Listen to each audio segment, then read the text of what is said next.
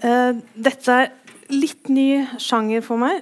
Uh, jeg har uh, undervist mye i skriving, og da bruker jeg jo fra min erfaring med å skrive romaner.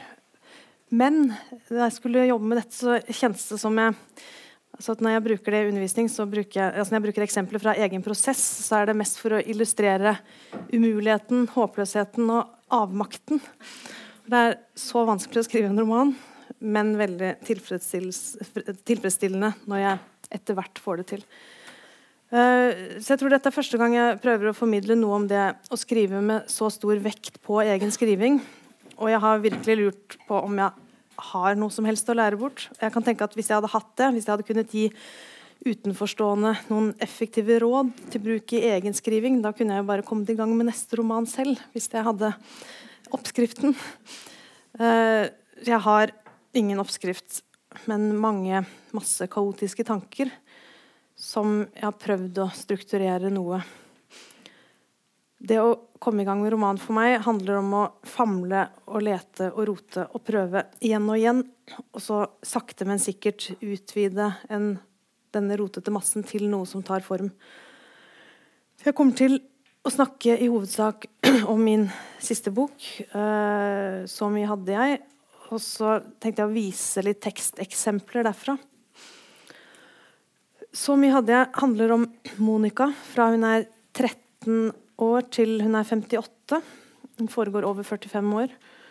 Uh, og for meg handler romanen om summen av alle de små situasjonene og bevegelsene som utgjør Monicas liv, og Monicas egen opplevelse av alle disse situasjonene og bevegelsene, framstilt av meg. Jeg har satt Monica i situasjoner med forskjellige kjærester og samboere gjennom livet. Med foreldrene, tanta, søstrene, venner, kolleger, andres barn, og særlig hennes egen datter Maiken. Og jeg har villet vise tiden som går, og jeg har villet vise menneskelige relasjoner generelt og spesielt. Og jeg ville skape en indre monolog som prøver å vise fram et helt og komplett menneske som leseren kan tro på og bli berørt av. Det vanskeligste med å komme i gang med roman er at mulighetene er så grenseløse. Og da jeg underviste sammen med Kyrre Andreassen på forfatterstudiet i Bø, så ville det ene kullet ha tittelen 'Alt er lov, men ingenting funker' på antologien sin. Og det er det som er det umulige, umulige, det at man kan gjøre hva som helst. Man kan la hele romanen foregå i løpet av en dag eller en halvtime eller 50 år. Og man kan skifte kjønn og yrke og sivilstatus på hovedpersonen. Og man kan gjøre det igjen og igjen.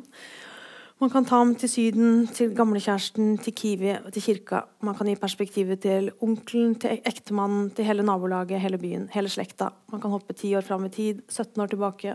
Man kan snu opp ned på hele tiden, osv., osv., osv. Men alle disse valgene må være eh, motiverte og nødvendige og ha en effekt, bidra til noe i romanen.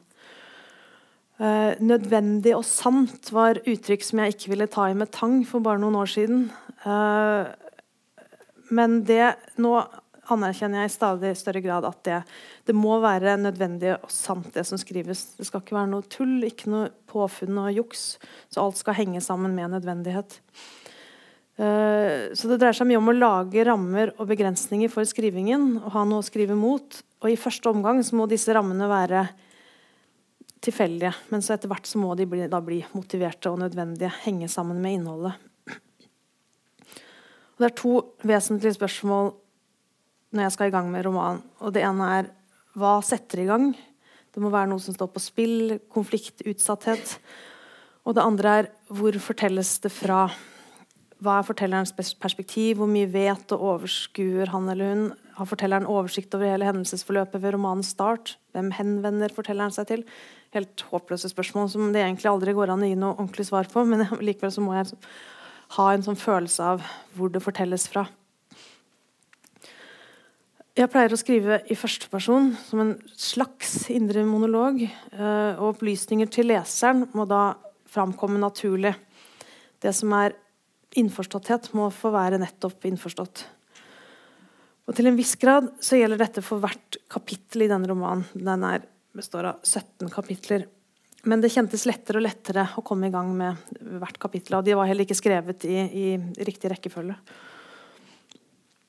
I kapittelet 'Barnet', langt ute i romanen, er Monica og Geir i ferd, med, i ferd med å gå fra hverandre etter ti års forhold. Og dette er igangsetteren. Uh, og det fortelles fra midt i bruddet. Eller det oppleves mer enn, mer enn fortelles. Uh, og da, ja, da, ser jeg på hvordan fungerer bevisstheten, hva og hvordan er det naturlig at hun tenker og opplever, tenker og opplever. Og Kapitlet begynner med en samtale med, en, med venninna Nina, som handler om noe helt annet. Venninnens manns redsel for brann. Mens Monica står og sorterer klær før utflyttingen og skammer seg over hvor mye klær hun har, hvor mange bomkjøp hun har gjort. Bruddet har jo vært en prosess, og det er ikke naturlig at hvert minutt er fremst i Monicas bevissthet, eller at Monica forteller leseren dette. Og Monica vet ikke at hun har lesere. Og Det skjer mye annet i Monicas liv, selv om bruddet er det mest dramatiske. Men jeg tror det er en grunn til at hun, Monica blir oppfatta som mye mer sympatisk enn det jeg har tenkt. Og det er jo vel det at hun da har fokus andre steder enn der man kanskje mener at hun bør ha det. Uh, ja, så jeg leser et utdrag derfra. Uh, så ser dere hvordan leseren får vite at hun og Geir skal gå fra hverandre. For dette er jo nytt for leseren i dette kapitlet. Det begynte å brenne i huset til Nina og Truls i romjula. Et stearinlys de hadde glemt å slukke, antente mansjetten som satte fyr på duken under. De våknet av røykvarsleren, skadene var ikke store. De fikk parketten slipt og lakket og malte veggen og taket, og i 50-årsdagen til Truls i februar var det ingen spor etter den lille brannen. Men til tross for at det var en ganske udramatisk hendelse, har Truls vært engstelig etterpå. Det har satt seg en frykt i ham som han ikke klarer å bli kvitt. Han sover dårlig og våkner og innbiller seg at han kjenner røyklukt, sa Nina til to venninner og meg på festen mens hun nikket mot de tente stearinlysene i vinduskarmen. Hun hadde fått markerte furer i kinnene, hadde litt for mye pudder og rouge. Jeg lurte på om vi hadde glidd fra hverandre. Jeg sto og tenkte på det. Hun sa hun var bekymret for at døtrene skulle fange det opp og bli engstelige, de også. Nora skal flytte hjemmefra til høsten. Eller at de skal miste respekt for faren sin. Truls ville helst ikke ha stearinlys nå i kveld i det hele tatt, sa hun, men jeg sa vi kan jo ikke slutte med stearinlys, vi må bare sørge for at alle er slukket før vi legger oss. Geir var ikke med i Truls 50-årsdag. Flere ganger fikk jeg spørsmål om jeg ikke hadde Geir med, og jeg vekslet mellom å svare nei, han er hjemme med Maiken, og nei, vi skal dessverre gå fra hverandre. Å ja, svarte de, eller å nei, er det sant? Tollef sto ved siden av meg. Han tok rundt, tak rundt armen min og klemte. Tollef sa på verandaen da vi røykte sammen. Jeg skulle ønske dere ikke gjorde dette. Jeg skulle ønske dere kunne finne ut av det. Og en liten stund i den milde, oppadgående rusen tenkte jeg den ene fine tanken om Geir etter den andre, og ville gjøre som Tollef sa. det mest dramatiske vil aldri stå alene. og Det er det viktig for meg å tenke på. Så når jeg underviser, pleier jeg å si gå dit det brenner, slipp katta ut av sekken, men deretter gå et helt annet sted. For han er ikke så intenst i en følelse så altfor lenge. Når disse to spørsmålene er på plass, så, og det er hvor det skrives fra, og hva som setter i gang, da kan jeg skrive. Men dette kan jeg bruke flere år på. Og jeg må la spørsmålene ligge mens jeg leter etter svar på dem. Jeg må prøve igjen og igjen å skrive om disse menneskene fra forskjellige vinkler til de begynner å ta form. Og Når de så er på plass, så ser det veldig enkelt og selvsagt ut. Og jeg skjønner ikke hvorfor det tok så lang tid, og hva jeg gjorde all den tiden. Jeg har skrevet en essaysamling med tittelen 'Konstruksjon og inderlighet'. og Den tittelen sier mye om mitt forhold til lesing og skriving. Og for å skrive godt så må jeg skrive i en strøm, flyt som utbrudd. Uh, nesten en, altså en magefølelse eller intuisjon som har sammenheng med en viss innsikt og erfaring, men uten å ta det direkte i bruk. Og I det siste har jeg våget å tenke ordet underbevissthet uten å bli for flau. Men samtidig så noe jeg stadig, blir stadig mer klar over, er hvor mye hardt arbeid som skal til, og hvor enormt mye tid og konsentrasjon det tar å skrive en roman, og hvor mye oversikt jeg må ha. Det faller meg ikke lett i det hele tatt. Så det er ikke sånn at jeg kan skrive romaner på underbevissthet eller magefølelse. Men det må likevel det der at jeg også kan slippe opp og skrive litt på som utbrudd. Da. Så jeg tenker at Besinnelse og mangel på besinnelse er to viktige faktorer for meg når jeg skriver. Det å etter hvert vite når jeg skal slippe løs, og når jeg skal holde igjen. Og når jeg skal stryke deler av det jeg skrev da jeg slapp løs.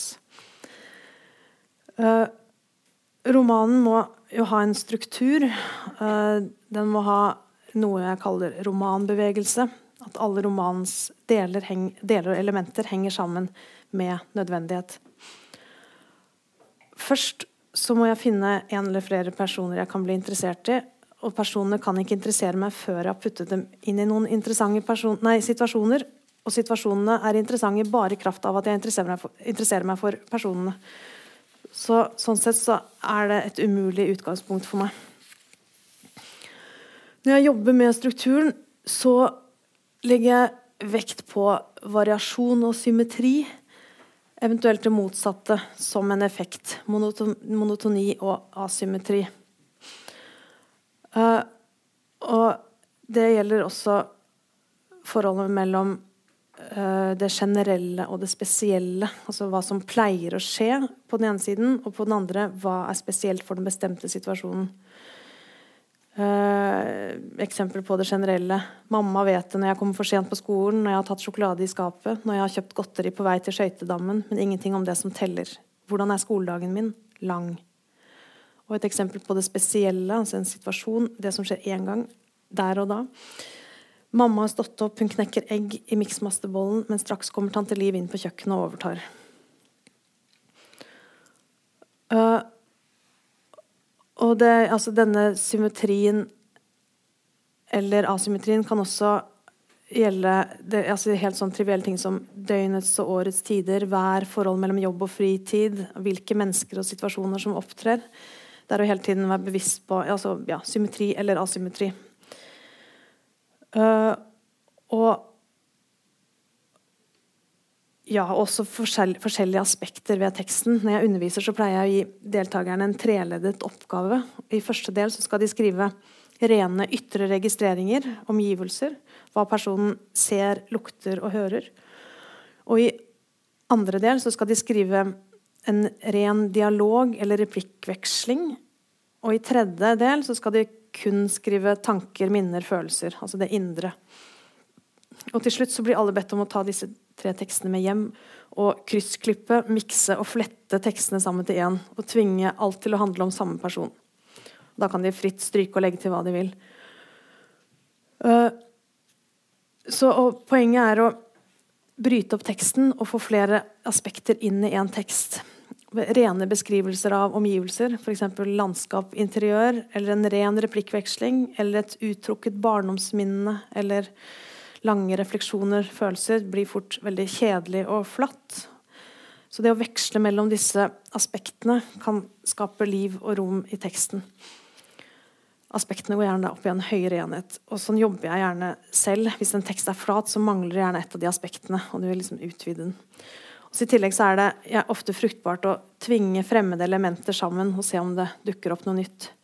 Så når jeg har sånn spontanoppgaver med, med skrivekursdeltakere, så kan jeg f.eks. be dem skrive en åpningstekst. Gi dem noen forslag til tematikk. Og så de, får de fem minutter på seg, og da er jo terskelen veldig veldig lav. Så skriver de gjerne finere enn det de gjør når de har sittet hjemme og jobbet. Og så sier jeg at nei, dette var en avslutningstekst, nå skal dere skrive åpningsteksten til denne. Så det er å liksom, ja, tvinges til å presses forskjellige, presse forskjellige ting sammen, det kan ofte gi altså Det er øh, fascinerende hva, hva de kan skrive da på noen få minutter.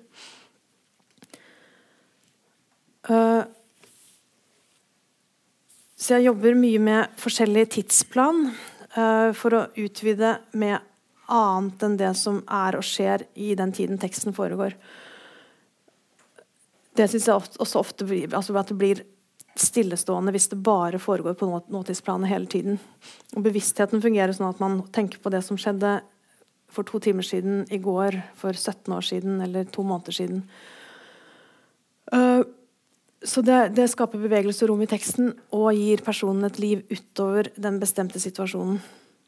I denne romanen som foregår over 45 år, så blir alle tidsperiodene bundet sammen ved at Monica tenker tilbake fra nåtidsplanet. Uh, fra, altså det er jo 17 nåtidsplan i de forskjellige kapitlene. Så krysser de hverandre ved at hun tenker tilbake både på det som skjedde på et tidlig nåtidsplan, men også det som skjedde mellom de forskjellige nåtidsplanene. Eller det som skjedde før første nåtidsplan. I alle kapitlene har jeg flere tråder, både tids- og handlingsmessig. Så jeg setter ting, tider, aspekter ved siden av hverandre og lar dem virke mot hverandre. Og som avslutningen, der avslutter jeg først nåtidsplanet, og deretter legger jeg på et kort fortidsplan og utvider dermed avslutningspunktet i begge retninger. tenkte jeg å lese slutten. Eh, romanene mine er ikke av den typen som blir ødelagt av at slutten røpes, tror jeg.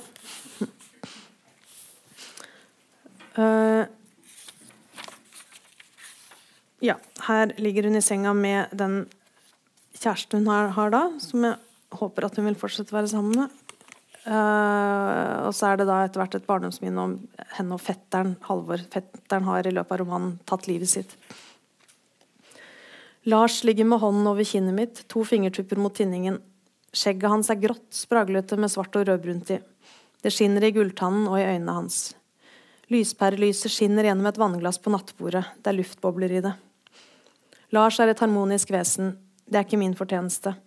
Det ville heller ikke være lett å få han ut av balanse om jeg skulle ønske å utfordre den balansen. Han røyker pipe på balkongen min, drikker kaffe med melk, glemmer å sette koppen inn i maskinen etter seg. Det er enkelt og greit og godt. Vi har planlagt en reise sammen i påsken, til Algero på Sardinia. Det er en passe stor lyst som er egnet til å legge meg om kvelden og stå opp om morgenen med. Ha med meg på jobb og trekke fram nå og da mens jeg holder elevene mine oppe demper motløsheten, leter etter alt det oppløftende og overbeviser dem om at livet i hovedsak er godt og fullt av muligheter, for det er det. Lars trekker pusten, åpner munnen mot tinningen min, øret mitt, pust mot håret mitt. Det kan hende jeg en gang får lyst til å våkne med deg hver morgen, sier han. Når jeg smiler, kjenner jeg kinnet mitt trykke mot hånden hans. Ok, hvisker jeg. Nå faller lyset fra nattbordslampen fint over dynene og Lars' kropp, Skyggene fra hver uregelmessighet sidelengs bortover, og jeg liker hvordan han stryker meg over ryggen og rumpa, og hvordan hånden stopper opp, og så hvisker han, nå sovner jeg. Da slukker jeg lyset. Knerten pilte etter Halvor mens han bjeffet, dyr blinker alltid ut de svakeste, og Halvor satte i sprang mot verandadøra. Jeg lo. Knerten la seg ned i sola, tunga hang over, over tennene, han peste. Mamma og tante Liv satt i skyggen under markisen, mamma med alders. Hvorfor la ikke Knerten seg i skyggen? Verandadøra åpnet seg på gløtt, og Halvor tittet ut. Knerten var der straks, gikk opp på to med den spinkle kroppen, døra gled igjen. Knerten kom sprettende mot oss. Tante Liv klappet ham. Hun tok båndet som lå i en kveil på verandagulvet, og festet det i rekkverket. Halvor er jo redd for alt, sa jeg til tante Liv. Torden, hester, ed edderkopper, biler. Og mark. Han er faktisk redd for mark, er du klar over det? Tante Liv var opptatt av knerten og halsbåndet, og få festet båndet i den lille ringen. Jeg strakte hånden fram mot ham. Tenk å være redd for den lille tassen her, da, sa jeg. Halvor er en engstelig fyr, er han ikke, sa mamma. Han hadde en opplevelse med en hund en gang, sa tante Liv. Jeg løftet opp knerten, han var solvarm i den gråsvarte pelsen. Jeg stakk nesa ned i, ned i den. Lukt av varm sol og en svak lukt av grus og eksos og fuglelik. Halvor og jeg hadde begravd en fugl på gravplassen på søppelfyllinga samme morgen. Den fløy på kjøkkenvinduet og falt i bakken død. Det var den tredje på to dager. Tante Liv hadde pusset vinduene våre. Innenfor det luftige laget med fjær var nakken så usannsynlig tynn. Jeg pirket med en spiker, glimt inn i noe rødt og glinsende, hvitt bein. Vi begravde den nedi et malingsspann under en grønn presenning, mellom spjærede poser med melkekartonger og kaffegrut. Jeg hørte bølgene slå inn over gjørmestranda der nede, og jeg så sivet som la seg med vinden. Sjøen i august var gråere og tyngre, selv når sola skinte på den. Tangen lå i en fastgrodd stripe langs stranda. Måker skrek lavt. Halvor forrettet ved graven og gjorde stort inntrykk på meg ved å huske ordrett. Av jord er du kommet, til jord skal du bli, av jord skal du atter oppstå. Han var åtte, jeg var sju. Så sang vi Kjærlighet fra Gud, og jeg gråt og gråt. Så da har jeg altså med den slutten, så livet vil fortsette, og fortiden vil også fortsette å virke i Monica gjennom hele resten av livet hennes. Jeg pleier å si at en tekst skal ha en god klarhet og en god uklarhet, men ikke en dårlig klarhet og en dårlig uklarhet. Den dårlige klarheten er det overtydelige. Leseren veiledes, og ting sies i klar tekst. Og den dårlige uklarheten gjør det vanskelig for leseren å forstå og orientere seg uten at det er noe gevinst i forvirringen. Den gode klarheten gjør det lett for leseren å orientere seg. Og dette mener jeg at er viktig. Leserens kapasitet må ikke sløses bort. Og den gode uklarheten er nettopp det som gjør teksten til litteratur, til noe mer enn en fortelling. Det underlige og udefinerbare. X-faktoren. Uh, man får gjerne klart inntrykk av personens opplevelse, selv om det er uklart hva som skjer. Og jeg må skrive fram noe uavklart i romanene mine. Eh, X-faktor, eller det Harold Bloom i sin bok 'Den litterære kanon' med Freuds begrep kalte det uncanny'. Noe som ikke kan formuleres eller defineres, men sirkles inn. Det uventede, overraskende og uforutsigbare. Brudd med forventninger, noe grensende til uhygge. Og fremmed, men samtidig kjent. Uh, og så er det også noe med ja, veldig upresist, en slags rom mellom forfatter og tekst, og mellom tekst og leser. I åpningen av kapittel to i romanen min så syns jeg at jeg har fått til en blanding av den gode klarheten og den gode uklarheten. Dels å legge igjen noe litt sånn skolestilaktig i 20-åringens framstilling. Her er Monica 20 år. Flyttet til Oslo og studerer. Uh, her opplyses leseren både om det som har skjedd siden forrige kapittel, og om situasjonen Monica er i i dette kapittelet. Men mest av alt så får vi Monicas opplevelse. Uh, hun har en søster som heter Elise, som hun har et delt forhold til. Som hun både beundrer og ser opp til, men som har et liv som hun ikke ønsker seg, men likevel trekkes mot. Elise giftet seg med en seks år eldre tannlege da hun var 25. De ble fotografert på Vinnerbroen. Elise kastet en rose ned i vannet for lykke og hell. To år senere fikk de et barn, en gutt. De leier leilighet over en gullsmed, men har akkurat kjøpt hus rett ved siden av mamma og pappa, med brun nålefilt til nesten alle rommene. Under sørgepilen ved Akerselva forteller Frank meg at han ikke kan binde seg til meg nå. Det er en rekke grunner til det. Nå har trærne begynt å miste blader, de hengende greinene over oss er vekselvis gule og grønne, bakken er tørr og hard og full av løv og kvister, og endene padler rundt i sirkel nede i elva. Jeg er bare 24, sier han og blåser røyk opp i lufta, og du er bare 20. Jeg er ikke noen familiemann. Jeg er en type som trenger frihet.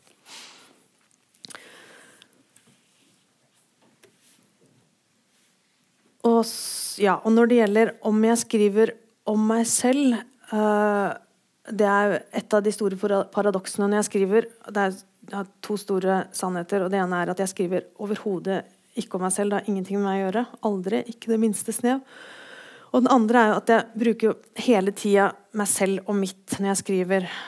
Alt jeg har tenkt og følt og erfart. Og hva annet kan jeg bruke? Jeg har jo ikke noe annet enn det. Selv om jeg, altså, jeg bruker mye annen skjønnlitteratur, men selvfølgelig bruker jeg mye av meg selv. Um, men så for meg handler det mye om å skrive, det å skrive roman om å skrive ut en person som ikke har noe som helst med meg selv å gjøre, samtidig som jeg bruker alt av meg selv. Uh, jeg er opptatt av balanse mellom distanse og nærhet til personene når jeg skriver. Jeg må helt tett på, samtidig som jeg må på en klar armlengdes avstand. Jeg må være nær for at det skal bli vesentlig og ha betydning, og samtidig på avstand se personene med et annet blikk, så det ikke blir sentimentalt eller pompøst.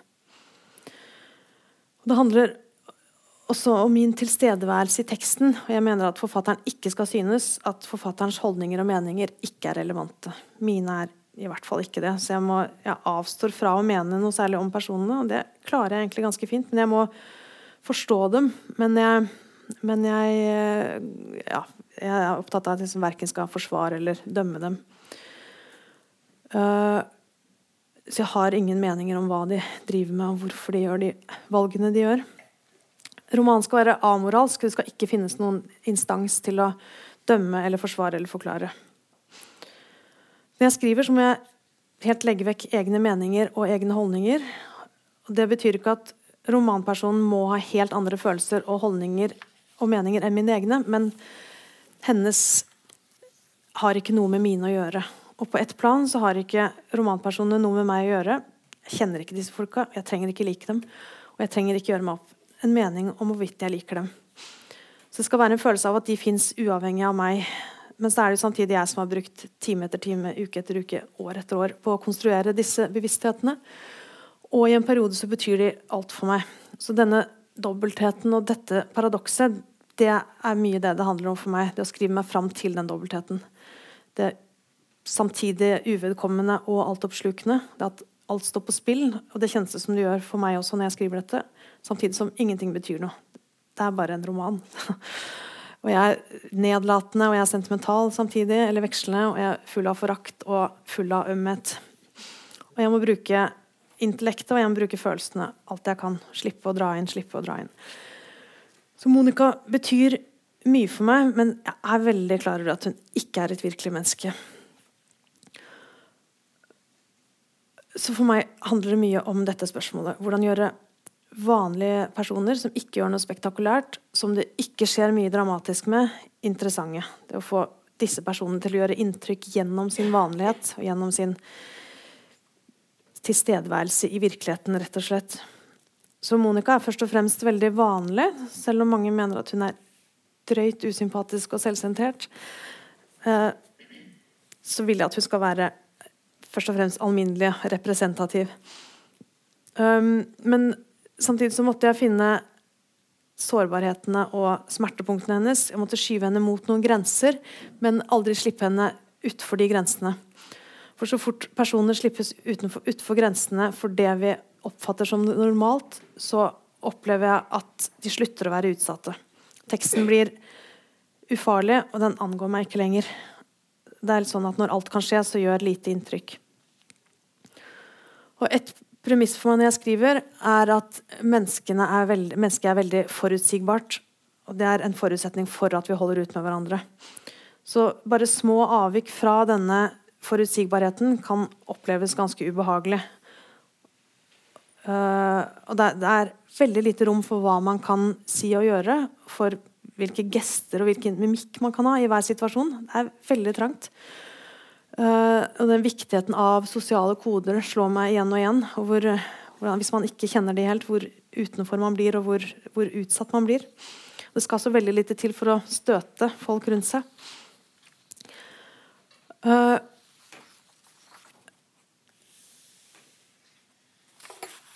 Ja, så Det å la en romanperson være litt uforutsigbar, litt fremmed, det kan ha stor respekt og skape uro og uhygge. Det å liksom nærme seg galskapen, men på alminnelig, gjennomsnittlig vis. Og stoppe i god tid. Så vil lese et utdrag fra hvor Monica er hos sin tante Liv. Uh, med datteren sin hun har en takknemlighetsgjeld overfor tante Liv. Uh, og nå er hun og besøker henne med datteren og har en ganske sterk motvilje mot det. Og tante Liv mistet selv en datter i krybbedød for ja, mange år tidligere.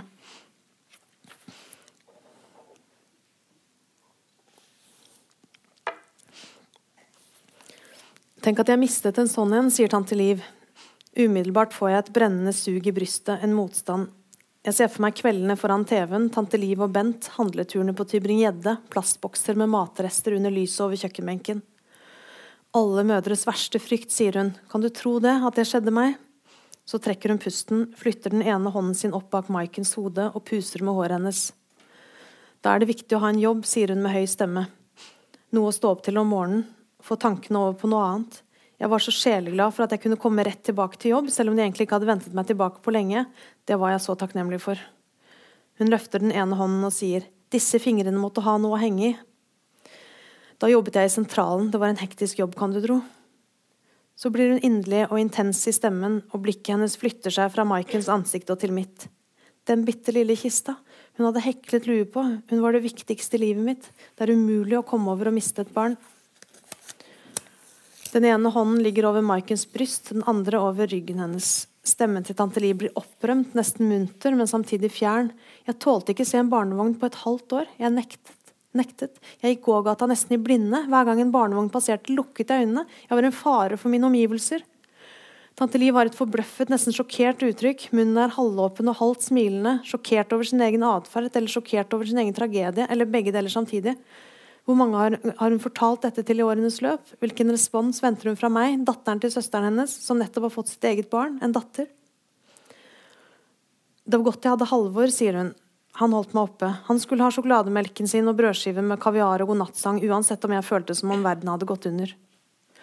Jeg har vært nysgjerrig på hvordan tante Livs sorg har vært, for hun har ikke snakket om den så jeg har hørt det. Nå snakker hun om den, men på en kunstig, liksom innøvd måte. Og jeg er ikke nysgjerrig lenger. Jeg vil ikke vite mer nå, eller ikke på den måten, så nært at jeg kan se porene på nesa hennes og tennene mens hun snakker, og kvisene på haken som gløder gjennom dekkremen.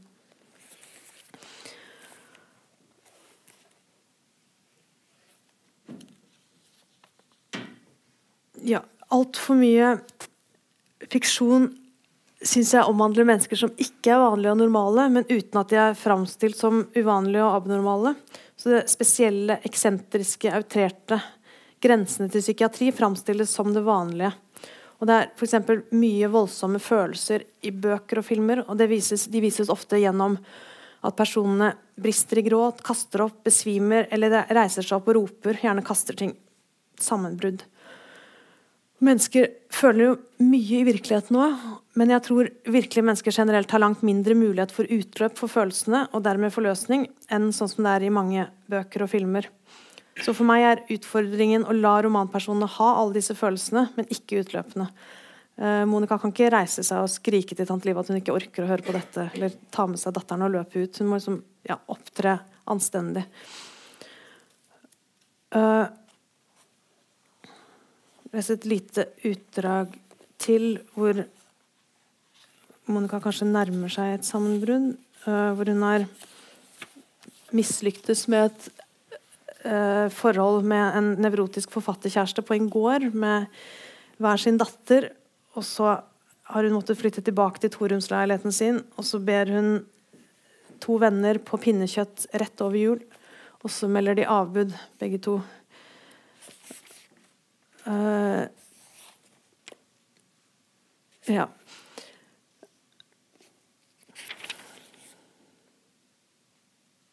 Den jula hadde vært den tristeste i hele mitt liv. Maiken var hos Geir og kom til meg tredje juledag. Pappa lå på sykehuset, mamma bodde hos Elise, og jeg var der julaften. Sønnene hadde vokst seg så forskjellige, men var likevel så lett å forveksle. Jeg slet med å holde det jeg visste om hver av dem, atskilt. Hele desember var Maiken misfornøyd med å bo i Helgesens gate og med juleforberedelsene mine. Alle vennene mine har adventskalender fremdeles, sa hun. Men hun var 13 år. Så kjøpte jeg likevel en sjokoladekalender. Det var 7. desember, og Maiken sto foran kalenderen og åpnet sju luker etter hverandre og spiste sjokoladen som var inni. Ops, sa hun. Hun hadde åpnet den åttende. Da vi bodde i Askim, hadde jeg kjøpt krumkakejern, og nå spurte jeg Maiken vil du at jeg skal steke krumkaker i år. Det er det samme for meg, sa Maiken. Men liker du krumkaker? spurte jeg. Sånn passe, svarte hun. Men pappa spør jo ikke sånn, la hun til. Han bare gjør julegreier og lager julestemning, liksom. Mens pinnekjøttet dampet og julelukten bredte seg 5.1, fikk jeg en SMS fra Tollef. Jeg har fått omgangssyke og må kaste inn håndkle. Jeg hadde kjøpt akevitt, jeg hadde skrelt og skåret opp kålrot. To timer senere satt jeg ved kjøkkenbordet og spiste alene. Og idet smaken bredte seg i munnen, kjente jeg alt det andre julestemningen inneholdt, og jeg fikk glanspapirhjerter i to farger og granbær og skinnende kuler på netthinnen. Og jeg skjønte ikke hvorfor jeg utsatte meg for det, å fylle munnen med den fåresmaken. Det var så veldig godt og så veldig vondt. Smaken fylte munnen og hodet og hele kroppen og brakte med seg alt det tilhørende, og den følelsen av å være midt i kjernen av alt akkurat der, og så var jeg jo ikke der, jeg var et helt annet sted. Jeg var i januar i den gamle toromsleiligheten min, og jeg var alene. Jeg lengtet til jeg holdt på å sprenges, lengtet etter alt som var for sent, det var noe jeg måtte ut av, noe jeg måtte vokse fra, bli kvitt, og jeg lengtet intenst og konkret etter Geir. Jeg tenkte nå får jeg et sammenbrudd, hvem skal jeg ringe? Men jeg fikk ikke det.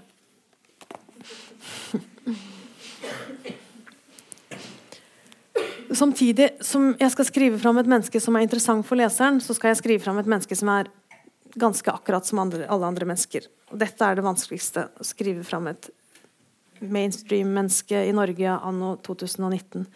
Det tar lang tid. Eh, jeg vet alt jeg trenger for å gjøre det, men det er enormt mye jeg ikke visste at jeg visste.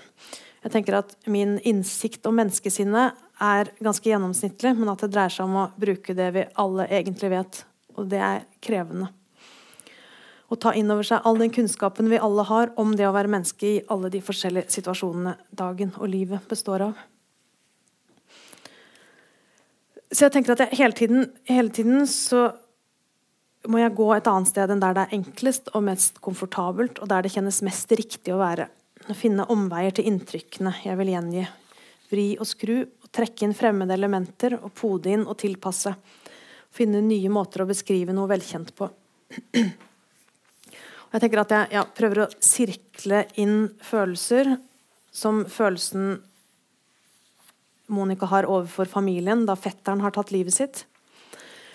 Det var så mye jeg ville gi uttrykk for fra så langt tilbake som ikke lenger hadde betydning. Jeg følte meg som et barn som ingen hadde tid til å høre på når det var alvor. Jeg var opprømt, urolig, med en konstant fornemmelse av en gråt som kilte og irriterte, som jeg bare ville hoste ut og bli ferdig med. Eller de ambivalente følelsene overfor Geir når de er i ferd med å gå fra hverandre. Så reiser han seg og tar rundt meg. Det er som om hvem som helst holder rundt meg, eller ingen. Vi skulle vært ferdig med dette for lengst. Hver gang vi ligger sammen en gang til, tror vi en liten stund at det er nødvendig og uunngåelig. Det vanemessige ved huden hans mot huden min blir nullstilt, så vi berører hverandre som da vi var nyforelsket. Matt og kraftløs, som å være hengitt til noe større enn meg selv som jeg ikke har kontroll over. Eller følelsen av å ha to sett med følelser, og derfor aldri kunne lytte til og ta valg ut fra følelsene, for senere vil det andre settet tre inn, og hvilket sett er det rette. Dialoger er vanskelig, men lettere og lettere jo bedre jeg kjenner personene og romanen. Jeg prøver å tenke meg til hvordan de snakker sammen i virkeligheten, og jeg kan bli overrasket over hvordan det egentlig er. Tre hakk mer ekstremt enn man kunne tro. Uh, mer ekstremt, mer komisk, mer absurd. Uh, man, jeg kan ikke kjapt og lett tenke meg til hvordan tanker og samtaler forløper. I en vanlig samtale så er det sjelden argument, argument, konklusjon. Det er small talk. Folk snakker om forskjellige ting. De snakker forbi hverandre. Og de er helt uengasjert i det de snakker om. Men det blir jo ikke automatisk litteratur av å gjengi slike virkelige dialoger. Uh, så de må Dialogene må utvide inntrykket av personene og relasjonene og situasjonene. Jeg må kjenne en uklar, men nødvendig sammenheng mellom den meningsløse dialogen og teksten for øvrig. Nå ser jeg at tiden løper litt, så jeg må kutte litt på utdragene. Um, skal vi se La meg få en liten oversikt her.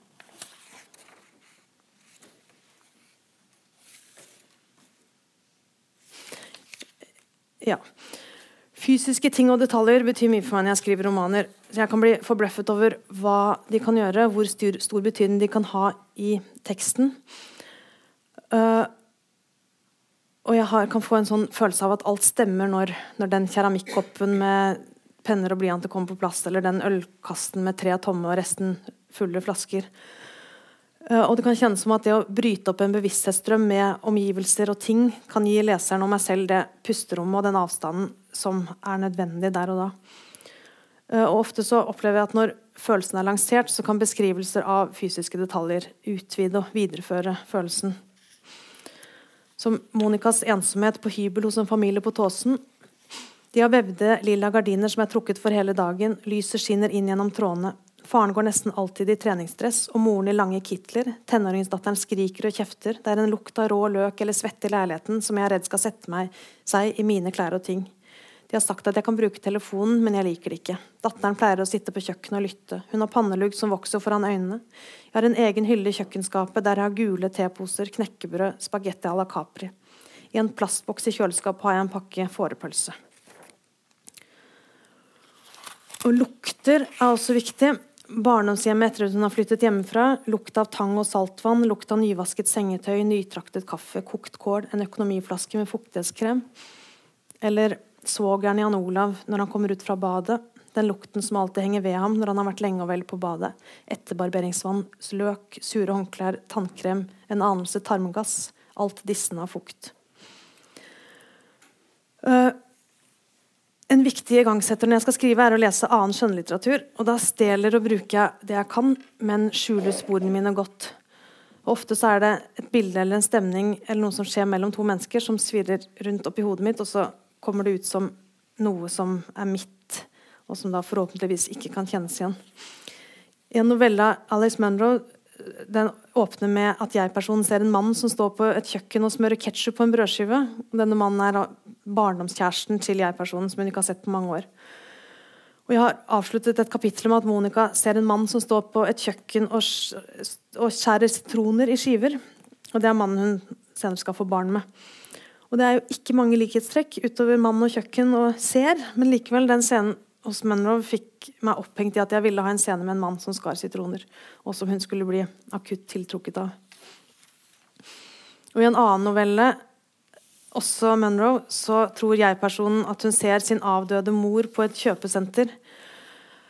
Uh, og kapittelet Drama Queen begynner med at Monica tror hun ser sin levende mor over grønnsakene i butikken.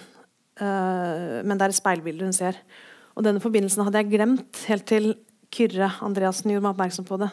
På scenen foran publikum. og, det, og idet han sa det, så visste jeg det, at det stemte. Uh, jeg får innimellom det forferdelige spørsmålet hva jeg vil med skrivingen. Og jeg skyr budskap og agenda, og jeg vil helst ikke vedkjenne meg en tematikk engang. Det er, det er helt greit at andre leser tematikken i bøkene, men jeg kan ikke tenke det på forhånd, og helst ikke etterpå. Uh, men jeg har pleid å si at hvis jeg blir presset, så kan jeg si at uh, jeg vil vekke empati for personen i boka, og kanskje også for mennesker utenfor. Uh, og jeg tenker at Ja. Men, men, så tror jeg det er nok en grunnleggende trang til å bevare og formidle. en sånn, ja måte å bøte på det klassiske følelsen av at livet går altfor fort og er meningsløst, og at man er selvfølgelig helt Helt alene om å føle det man føler. Mm. Eh, og det kan kjennes som at utgangspunktet for all min skriving er at verden og livet er meningsløst. Eh, men så er det ikke sånn jeg opplever det. Men likevel at det er liksom det som er utgangspunktet når jeg skriver. Uh, og så det, tror jeg det er da på en måte å lete fram, altså vise hvor meningsfullt det likevel er da, med det grunnlaget. Og lete fram den lille meningen i det, alt det trivielle. Uh, så jeg tror jeg har en trang til å liksom pirke i det ubetydelige og forgjengelige og flyktige. Og gi mening til det meningsløse. Uh, og det er jo veldig, egentlig veldig livsbejaende. Uh, og jeg tror, altså, Det kjennes som mye av det jeg, altså, når jeg skriver, at det er for å komme fram til sånn nedslag, patosblaff, der teksten kan gjøre inntrykk på å bevege leseren. Uh, Monica har jo en rastløs og utilfreds natur, men det er også fine perioder og en rekke lykkeblaff som er viktig for meg. Uh, ofte så er det altså at når hun opplever sterk mening, så er det både en, altså både en positiv og en negativ mening men i hvert fall en mening. En sterk følelse av, av meningsfylde. Uh, jeg leser et utdrag ganske langt ut i boka.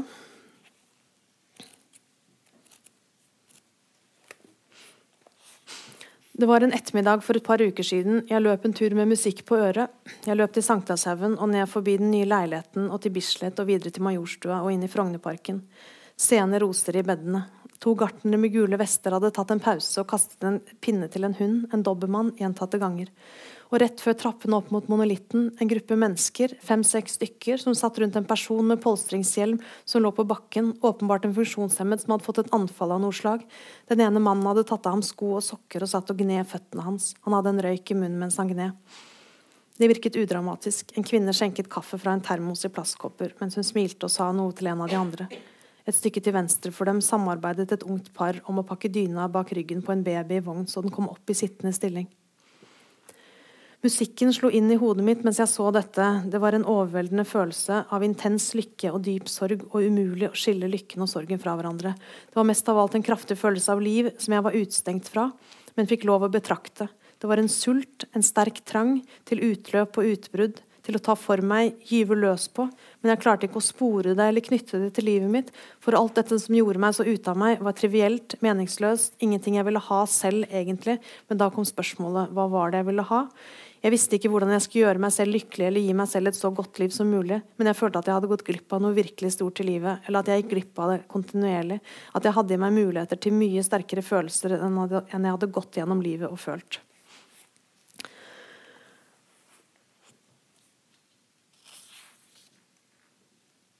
Ja eh, Jeg vil avslutte med et lite utdrag fra en eh, Alice Munro-novelle som dere sikkert har skjønt at jeg setter veldig pris på. Uh, novellen handler bl.a. om en situasjon som fører til at det løsner for jeg-personen som forfatter, uten at dette sies i klartekst. Uh, novellen slutter med noe jeg ser som en beskrivelse av den transformeringen av novellestoffet over til noe som tilhører et bestemt menneske. Uh, altså det som blir universelt. Hun har vært i en krevende middag hos tanten, og det er en historie fra tantens barndom, eller måten tanten forteller denne historien på, som får det til å løsne. Eh, så dette er hun går på vei hjem etter den middagen. Da jeg hadde gått i mer enn en time, kom jeg til en kafé som var åpen. Jeg gikk inn og fikk meg en kopp kaffe. Kaffen var ikke nytraktet. Den var svart og bitter og smakte som medisin, akkurat det jeg trengte. Jeg hadde allerede begynt å merke en følelse av lettelse, og nå kjente jeg meg lykkelig. For en lykke å få være alene. Å se det varme ettermiddagslyset over fortauet der ute, grenene på et tre som så vidt hadde fått grønne blader, den spinkle skyggen av kvist og bladverk mot fortauet Å høre lyder fra en fotballkamp som mannen som serverte meg, lyttet til på radioen. Jeg satt ikke og tenkte på fortellingen jeg ville skrive om Alfrida. Jeg tenkte ikke på dette i og for seg, jeg tenkte på det arbeidet jeg hadde lyst til å gjøre, og jeg forestilte meg ikke at jeg skulle sette meg ned for å konstruere historier. Det virket snarere som å plukke ting ut av tomme luften. Publikumsbrølene på radioen kom til meg som mektige hjerteslag, så sorgfullt. De dannet nydelige, stiliserte bølger, fjerne, nesten umenneskelige lyder, bifall og klager. Det var dette jeg ønsket meg. Og dette, tenkte jeg, skulle jeg alltid være oppmerksom på. Det var sånn jeg ville at livet mitt skulle være. Dette kjenner jeg meg veldig igjen i. Akkurat sånn det føles å få til å skrive. Eh, da vil jeg gjerne åpne for spørsmål, hvis det er noen som har noe spørsmål til noe av det jeg har sagt, eller hva som helst ellers har med skriving og lesing å gjøre.